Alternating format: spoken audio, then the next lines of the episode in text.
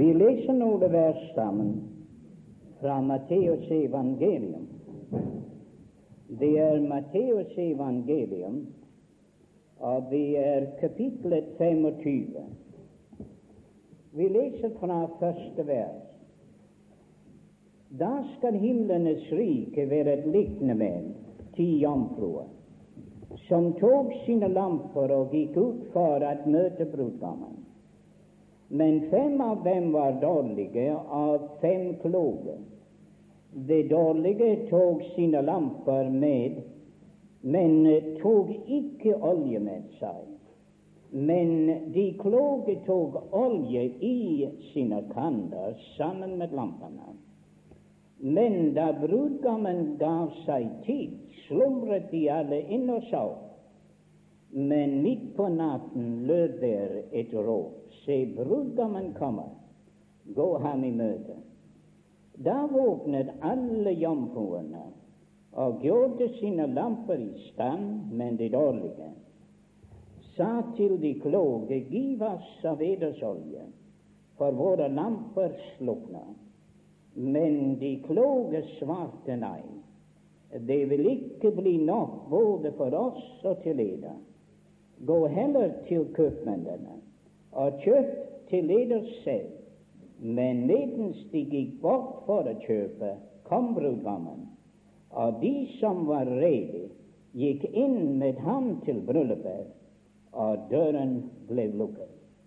Til sist kom de også de andre jomfruer og sa, Herre, Herre, lukk opp for oss. Men han svarte og sa, Sannelig sier jeg eder, jeg kjenner ikke eder ikke. Våg derfor, for de vet ikke dagen eller timen. Jeg tenkte også at lese et vers i Johannes' åpenbarelse. og det er kapitlet 19 og vers 6.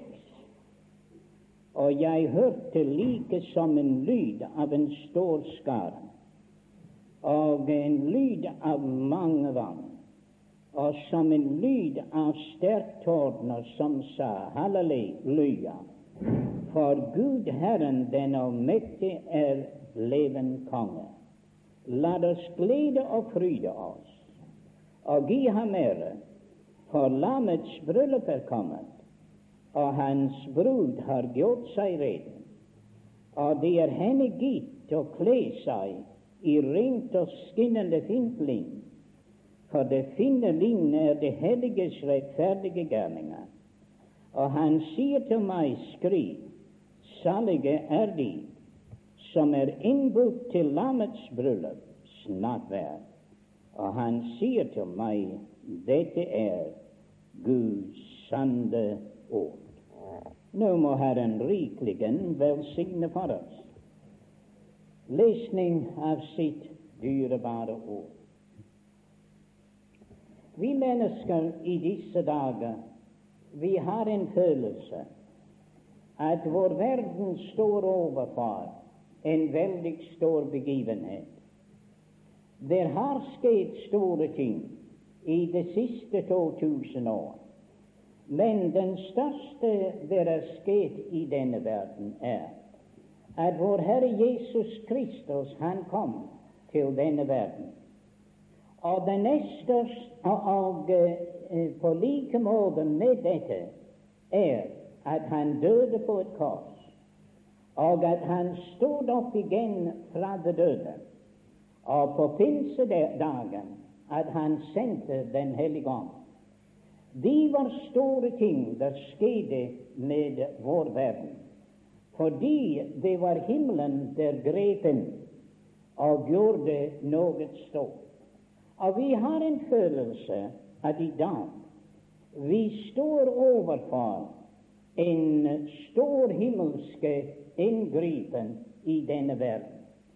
Tingene er så vanskelige at mennesker er ikke i stand til å få alt å gå som det skulle. Og Derfor er vi klar over at himmelen må gripe inn.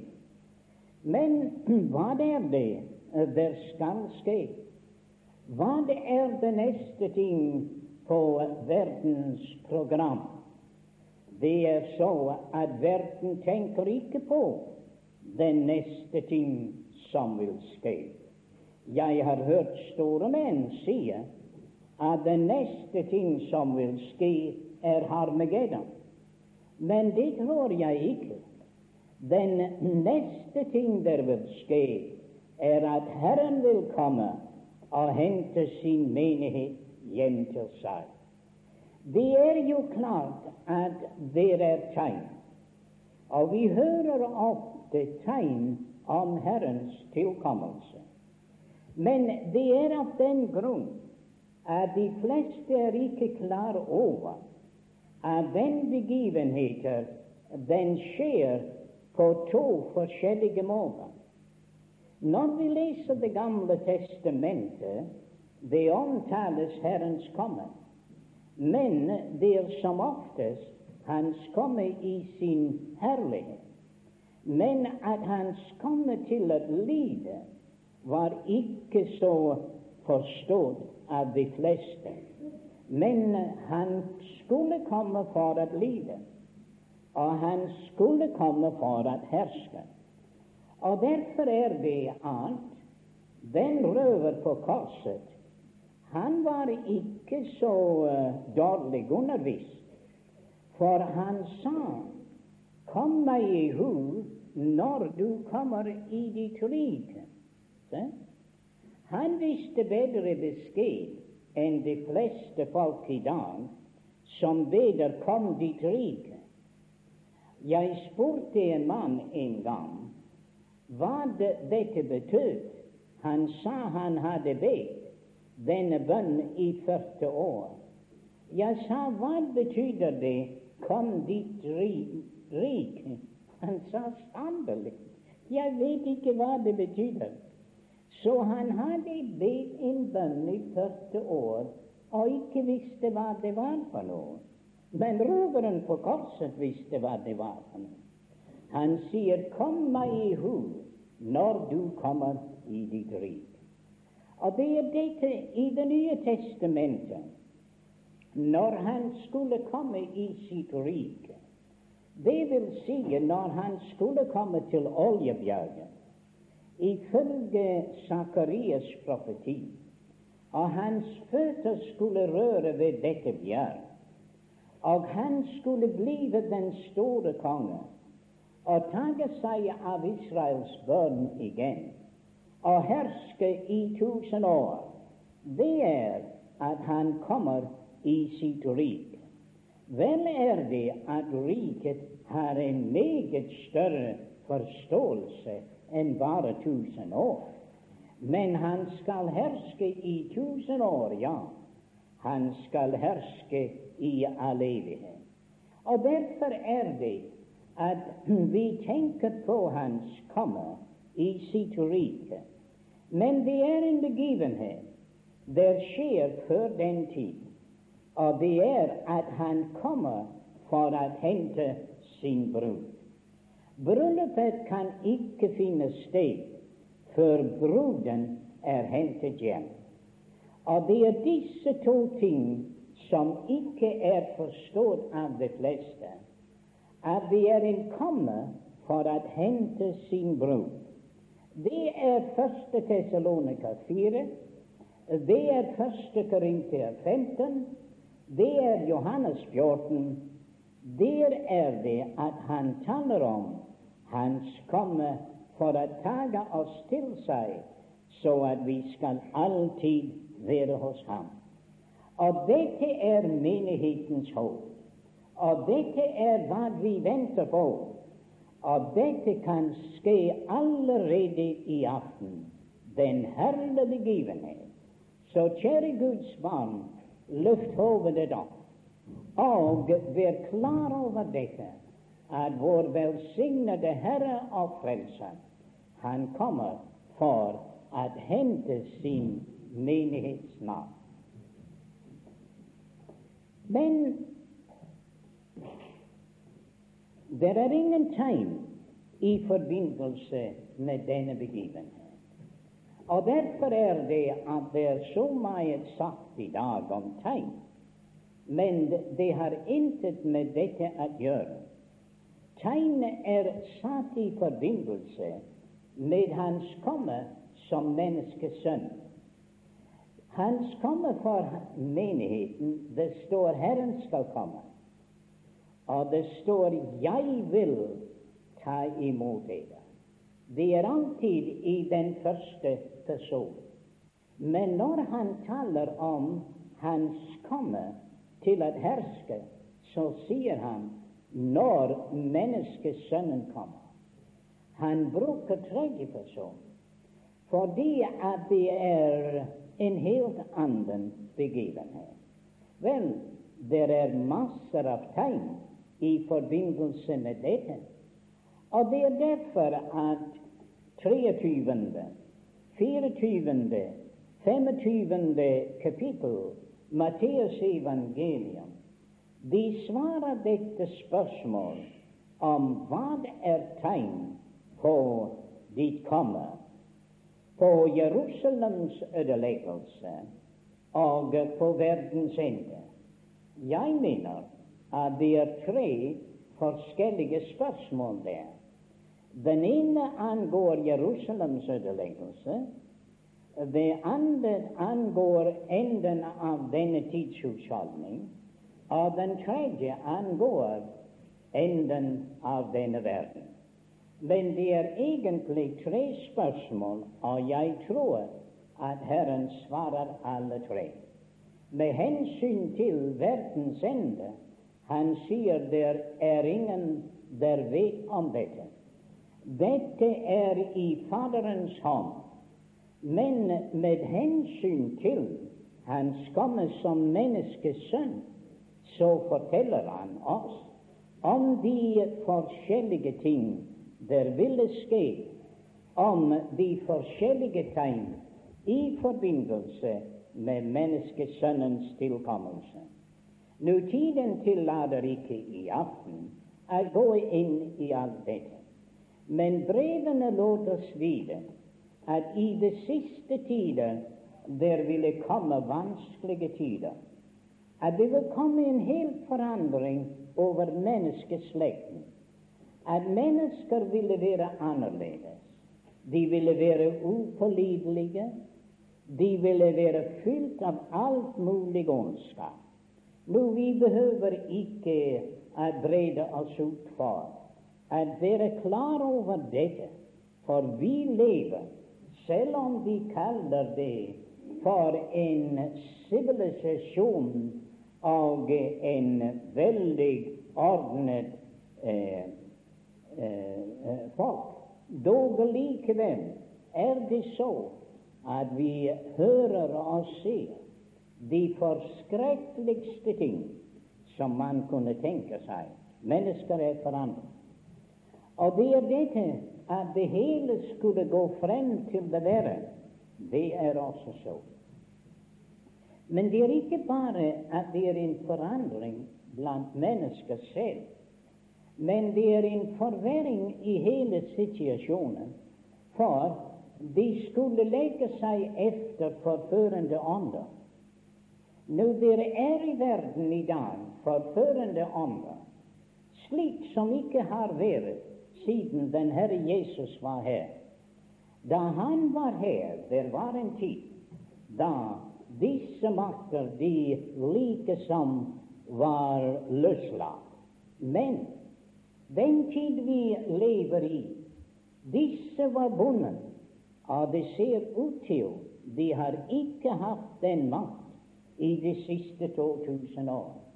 Men nå er det at de tager til, og mennesker de går efter forførende ånder, og spiritisme og alle disse fryktelige ting de tager til. Derfor har endog Guds barn veldig Det er den veldig maktpåliggende å ta vare på alt så at de må forstå hva det er Guds ånd, og hva det er de onde ånders inngripen. Men så skulle det også skje fryktelige ting innenfor de religiøse områder. Det var jo dette at det skulle bli en forverring av situasjonen. Den siste menighet, Ladokea, jeg tror belyser for oss hvordan det skal gå med vitnesbyrdet, den kristenhets vitnesbyrd, i det siste tid. Og det viser seg at det er en fryktelig ting.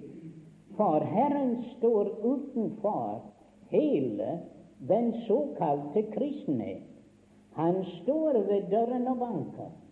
Og bare noen enkelte sjeler vil lytte til hva han har sagt, sier. Og i dag ser vi i det store kristenhet en veldig forverring. De kaller det ekumenes. De vil lage en verdenskirke. Men kjære venner, om de lager en verdenskirke, dette blir ikke det som Herren han sa. Fader, jeg vil at de skal være ett, like som vi er ett. Tror du at Gud måtte vente inntil 1972 for at den bønn skulle bevares? Svares aldeles ikke.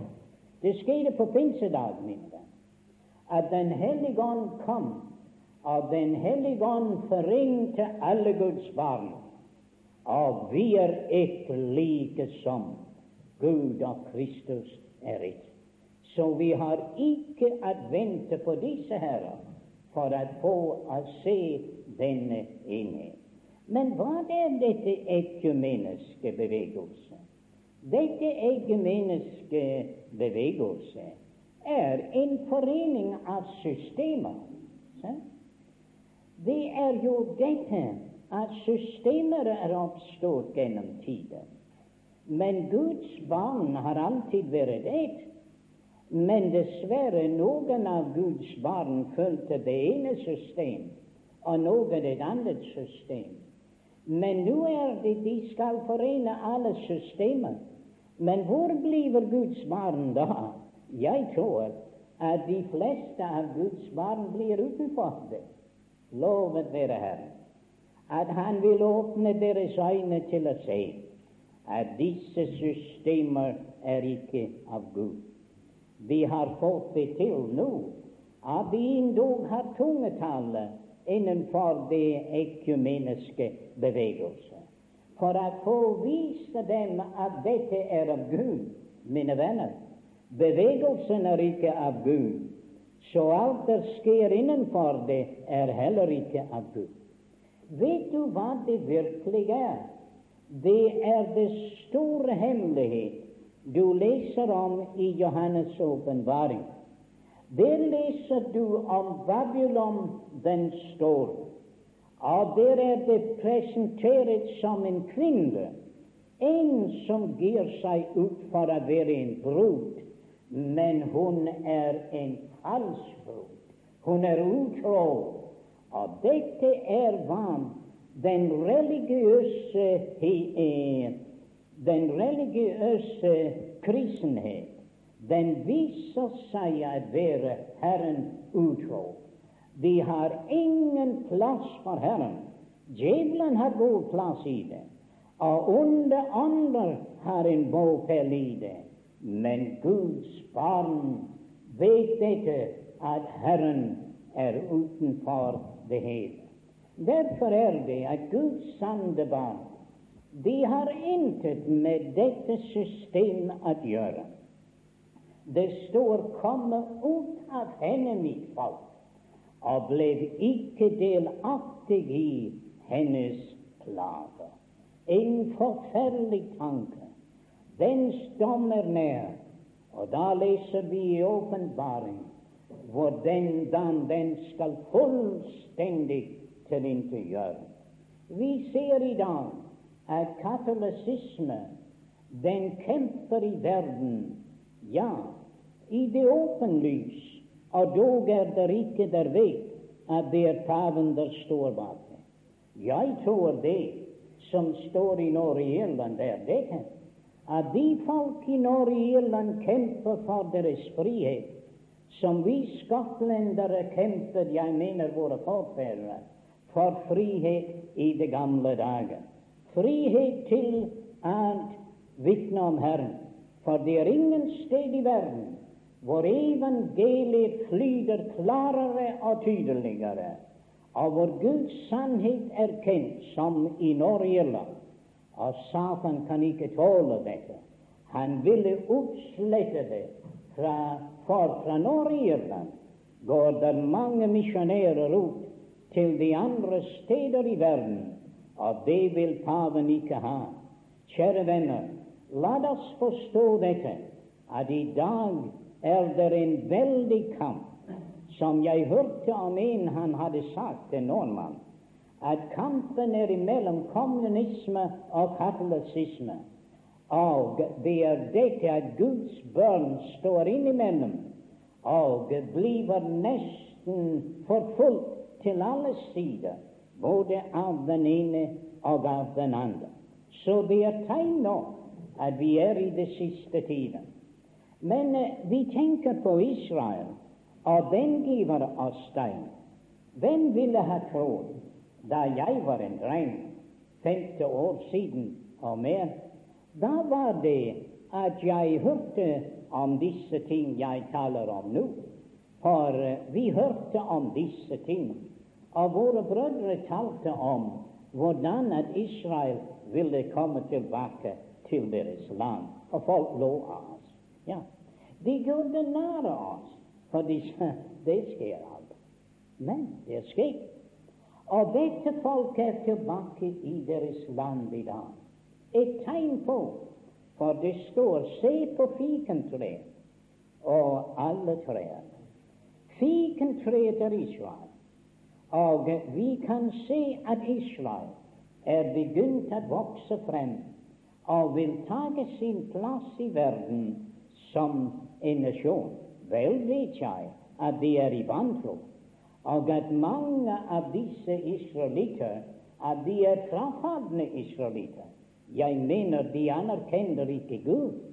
Men det er ikke dette det er spørsmål.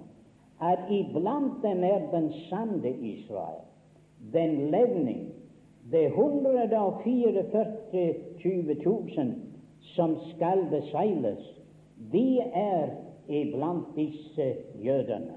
Og tiden er nær da Herren kan beseile sine utvante fra Israel. Men det blir først når menigheten er bortrykket og jødene har fått deres plass i vitnesbyrdets tre.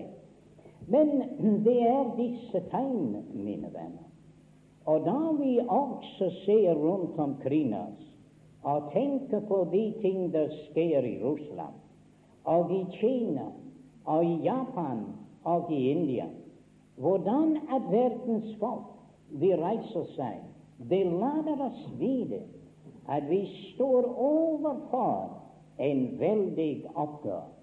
Nå, det er dette det skynder folk i Europa for å prøve på å gjøre hva de kaller for de europastatene.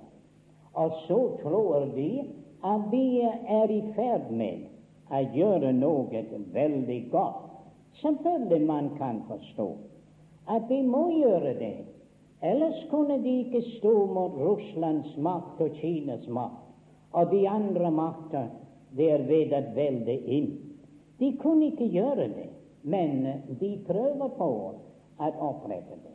Men profetien lader oss vite at ved endens tid at det skulle oppstå et romersk Det skulle oppstå en tikongemakt. Og derfor er det de fleste forteller oss at det som skjer nå, det er Romerriket. Det er det tikongemakt. Og nå skulle Norge inn og Storbritannia, og så skulle vi ha det ti. Kjære venner, det er ikke de ti. Det er ikke dem, aldeles ikke dem. For det ti kongeriket er noe der dekker hele Middelhavet. Det er ikke noe for det nordiske landet. Og jeg er ikke overbevist om at Storbritannia og eh, Norge og Danmark kommer inn. Jeg tror at de ville være meget heldigere hvis de holder seg sammen med Amerika og lar de andre om det ti kongerik. Men uh, vi vet ikke alt sammen hva det vil føre til. Men uh, jeg vet i hvert fall at de ti som de taler om nå, er ikke det ti det Bibelen taler om. For det er det latinske folk som dekker Middelhavet. Der blir den mat. Men det er en forberedelse til det. Og det later oss se at det forsøker å komme til det, og den vil komme. Og det vil bli en tikongerike, om det ikke er nettopp disse makter. Og jeg tror at den er ganske, ganske nær. Men Spanien og Grekenland og Rumænien og Ungarn og alle disse andre, de må være i det, min venner. Så at de må søke andre steder for deres tid enn i England og Norge og Danmark. Men venner, alle disse ting fortelles at vår verden er like ved å smelte sammen til en veldig stor katastrofe.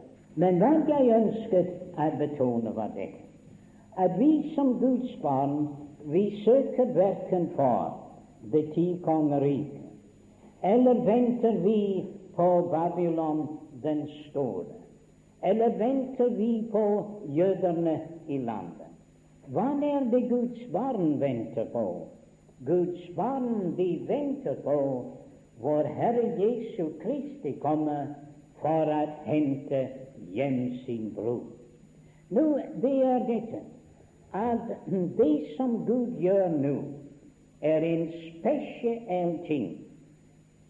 Han kaller ut av denne verden et folk til sitt navn. Det er noe som ikke har vært før. Han, han kaller ut av hedningene og jødene, og han gjør disse to til ett. Og han danner dem til sin menighet, sin forsamling, sitt legeme, sin bror. Nå det er noen der sier at menigheten er ikke bruden. Ja, men så må de kunne bevise at Israel er bruden. Men det kan vi ikke gjøre. For en hustru som er tilsidesatt, kan aldri være lammets brud. Og ikke bare dette, men Johannes døperen, han visste bedre beskjed. Johannes døperen, han sa dette, den som har brudgommen, bruden er brudgom. Og brudgommens venn, han gleder seg over brudgommens røst. Min glede er fullgom. Johannes døperen forteller oss at han er ikke brudgommen, og han er heller ikke bruden, men han er brudgommens venn.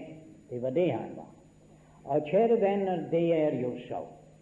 Disse er brudgommens venner, og jeg tror at de fem kloke og de fem dårlige her, disse var venner av brudgommen, og bekjentende venner av brudgommen. Men ingen av disse var bruden. For hvis vi forstår og tager det av den manuskript som heter Vatikanus, der står det på denne manuskript Se, bruden og brudgommen kommer gå denne i møte. At dette var jo noe helt annet. Se? For hva det er, er at Herren vil først komme for sin bror. Se? Og da dette her er menneskesønnens tilkommelse, som det er taler om, så er det derfor i forbindelse med Israel at han kommer. Og han kommer med sin bror. Bryllupet mine venner, står til. Så la oss forstå dette. Hvor herlig det er at være Jesu Kristi brud, utvalgt fra denne verden, at være til bryllup. Nå, eh, jeg tror ikke at de sender bruden en innbydelseskort til bryllupet. Jeg har aldri hørt eh, om det, i hvert fall. Det er jo eh, som oftest vennene det får et kort med innbydelse til bryllup. Så det står 'salig er alle dem som er innbudt til lammets bryllup'. Og så tenker du det er deg og meg. Men kjære venner, vi er jo selvskreven. Det vil ikke være noe bryllup hvis menigheten ikke var i himmelen hos seg selv. Men det blir mange venner, ja, andre som blir samlet til, og de får en innbydelse og de blir salige. De er innbudt til bryllup, men hvor meget mere salig blir selve bruden. For som vi synger, jeg er min elskede, og min elskede er min. Gud i sin store nåde har kallet oss til å være Jesu Kristi brud. Så derfor, min venn, at vi vil lade deg vite at den som hører evangeliets kall i dag, de kommer til å være til bryllup i himmelens herlighet, men på denne måte at de blir selve bruden i herlighetens herlighet. Tenk hva dette ville si. Så nær til vår velsignede Herre og Frelser. Og derfor er det at i de eh, forkynnelser og den måte som evangeliet er fremstilt, det er jo for noen en innbydelse til et bryllup. Det er ikke innbydelse til begravelse. Nei, man ville, når man tenker på den skrekk som noen har for evangeliet, man ville tro vi innbød til en begravelse. Nei, nei. For mine venner, det kan ikke være noen begravelse når den Herre Jesus er der. Han var til et bryllup, men han var aldri til noen begravelse. Ikke sier noe. Han må ha vært til en eller annen begravelse. Nei, han en gang møtte dem på veien til graven, og da ble det hele avlyst. For han reiste mannen opp. Og der skulle være en begravelse. En mann skulle dø.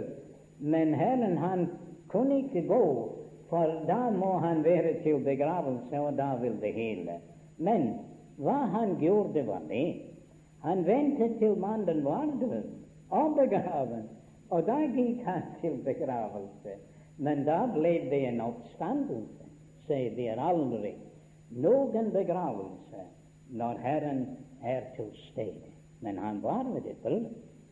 Ja, han var ved et bryllup. Og lovet være Gud, dette bryllup var en veldig suksess.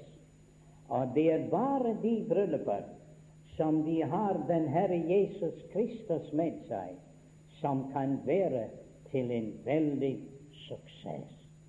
Og bryllup er fremstilt som menneskets høyeste glede. Og derfor er det at evangeliet er at invitere mennesker til himmelens største glede. Det er ikke en jordisk glede, men en himmelsk glede. Du sier hvor lenge skal bryllupet vare? Det skal være i all evighet. Tenk, mine venner, at være til bryllup i all evighet, for det er nettopp hva det blir. Vår velsignede Herre og Frelser. Vi skal stå ved Hans side, og det står alltid være hos Herren.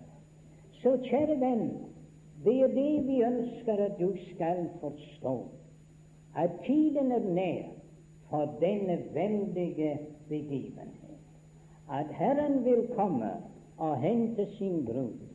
Og det er jo bare en eneste måte at være rede og det er å ta imot den Herre Jesus Kristus som din Herre og Frelser. Det ville aldri være bryllup om den unge kvinne ikke sa ja.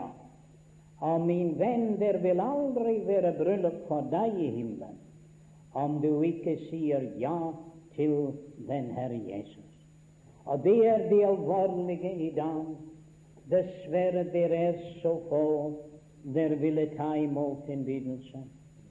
Der var gjort en stor nattverd og bød mange, men da de sendte bud, de ville ikke komme. De bare unnskyldte seg, og de ville ikke komme. Og sånn er mennesket i dag. Det var jo et annet som er omtalt, og de vil heller ikke komme der. Det var kongens sønns brød. Forstår du? Og det var ikke bruden det var invitert der. Nei, det var jødene det var invitert der. Men de ville ikke komme. Og så finner vi allikevel han sender andre tjenere ut når de endelig får folk inn. Men da var det en der ikke hadde bryllupskledning på. Jeg forstår ikke hvordan han var kommet med. Du skal ikke tro det var til himmelen, men det står det var himlenes rik. Den store, bekjennende eh, rike. Han var kommet inn iblant de andre som var virkelige gjester. Men han syntes hans klær var god nok, og han ville ikke ha det som kongen hadde tilveiebrakt. Så han kunne ikke være der. Og kjære venner, det er det at ved dette her bryllup det er ikke alene at han tar gjestene og innbyr dem, men han gjør dem rede for bryllupet. Og han giver dem bryllupskledning, ifører oss Kristi rettferdighet, så at vi har rett til en plass, og at vi således er kledd for å være der i Herren. En ung mann sa til meg han trodde han kunne like så godt komme til himmelen som noen av oss. Ja, det kan godt være, sa jeg. Vi har en bønnemøte. Kommer du ikke til bønnemøte med meg? sa han. Hva skulle jeg gjøre ved et bønnemøte? Det var ikke noen plass for meg. Nå, sa jeg. Jeg skal si deg en ting. Hvis du kom til himmelen, du vil be om å få lov å slippe ut, sa jeg. Hvordan det? Fordi det liv som passer til et bønnemøte, er det liv som passer til himmelen. Og det som ikke kan passe på en bønnemøte, vil heller ikke passe i himmelen. Du kan ikke komme til himmelen uten du er født på ny. Ah, det er dette, kjære venner, han forbereder sine gester for himmelen. Og lovet være Gud, det er sånn. Men her var det noen, og de mente de var rede for alt. Jo, de var rede for alt. Når det er noen der forteller oss at de fem kloke, de var de åndsstøtte, og de fem dårlige, de var ikke åndsstøtte. Kjære venner, hva taler du om? Det kan du ikke finne i dette kapittelet. For hva var det? De var alle sammen bekjente seg at de vil gjerne se brudgommen. De var bekjennere. Men da begivenhet stod på, da visste de hvem var ekte, og hvem var urekte. For de åndsstøtte, de sov vel ikke, hva? Jo, de sov alle sammen, det står. Alle sammen.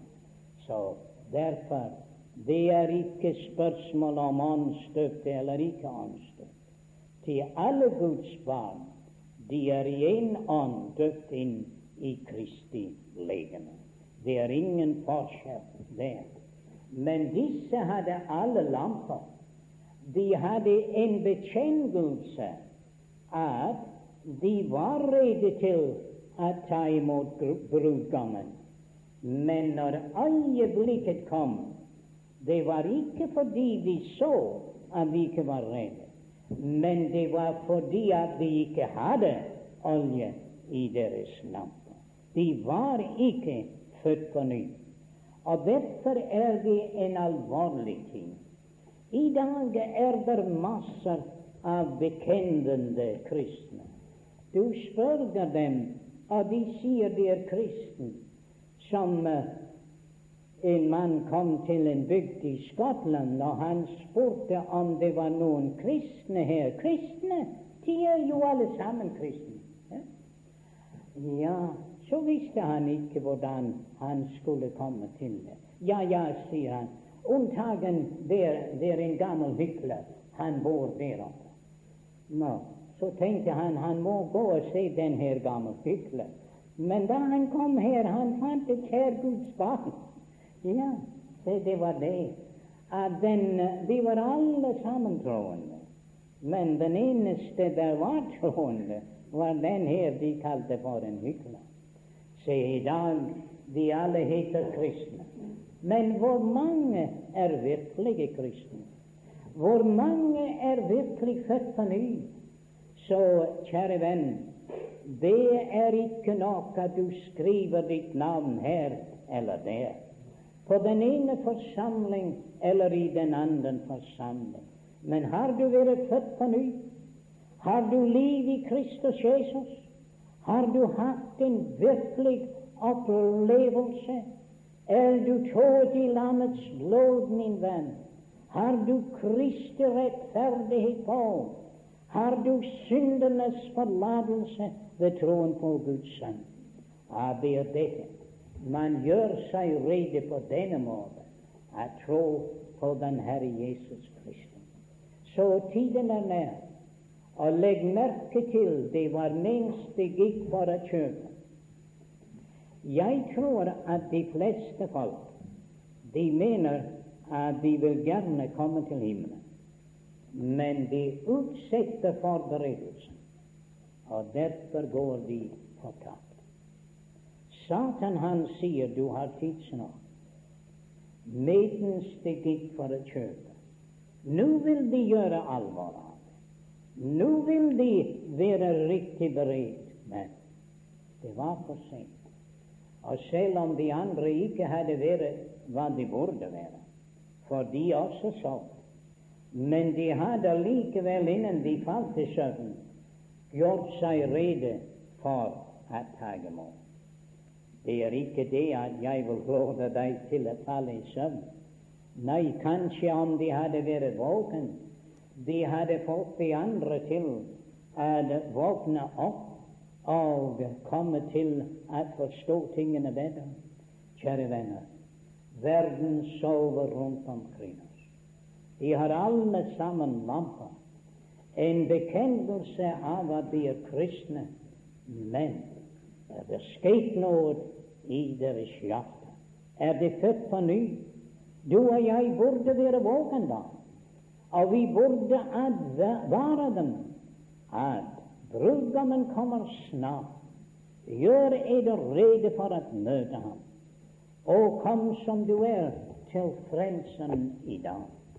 For nå er den velbehagelig tid. Jeg er glad for jeg lærte den sannhet som dreng. Jeg behøvde ikke vente til jeg var en voksen mann at lære dette. Jeg lærte det som dreng.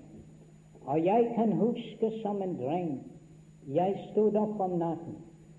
Jeg kravlet stille hen til soveværelset hvor far og mor var. Og da åpnet jeg døren, og da kikket jeg inn for å se om de var der. Ja, ja, det var alvor for meg. Jeg trodde på at Herren ville komme. Og jeg visste jeg var ikke rede, men jeg ville gjerne være rede. Det var alvor i mitt hjerte, og jeg var alltid redd for at han skulle komme, og at jeg ikke var rede. Men lovet være Gud, at i Hans nåde han frelste min sjel. Da var jeg. Og nå er det jeg bare venter på den store og herlige begivenhet, at Herren kommer og henter når basunen lyder. Er du der? Er du rede? Er du rede at møte den Herre Jesus når Han kommer for å hente sin del?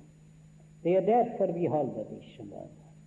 At oppmuntre de troendes hjerte at vente på vår Herre og Frelser. Og hvem som ennå ikke er rede, at du må gjøre deg rede før det blir for sent. Så må Herren velsigne sitt ord, og at det må gripe oss med alvor. At vi står overfor den store og herlige begivenhet for det troende når som helst. Og du som ennå ikke er frelst, ung eller eldre, nå er tiden. Ta imot Kristus i aften. Det er en herlig anledning. Du skal aldri fortryde deg. Kom for bryllup. For det er virkelig brød. Det beste av alle brød. Det er lammets brød. Vi skal til i herlighetens herre. Fader, vi sier deg takk fordi at du innbyder oss til himmelens glede. For en dag det blir når bryllupet skal stå i himmelens herlighet, og når de frelste av denne tidsgudshalmen skal stå for ditt åsyn, renset, kledd og hjertets full av glede, der da vi står ved landets side, at feire den herlige høytid som skal bringe oss i denne evige himmelske glede.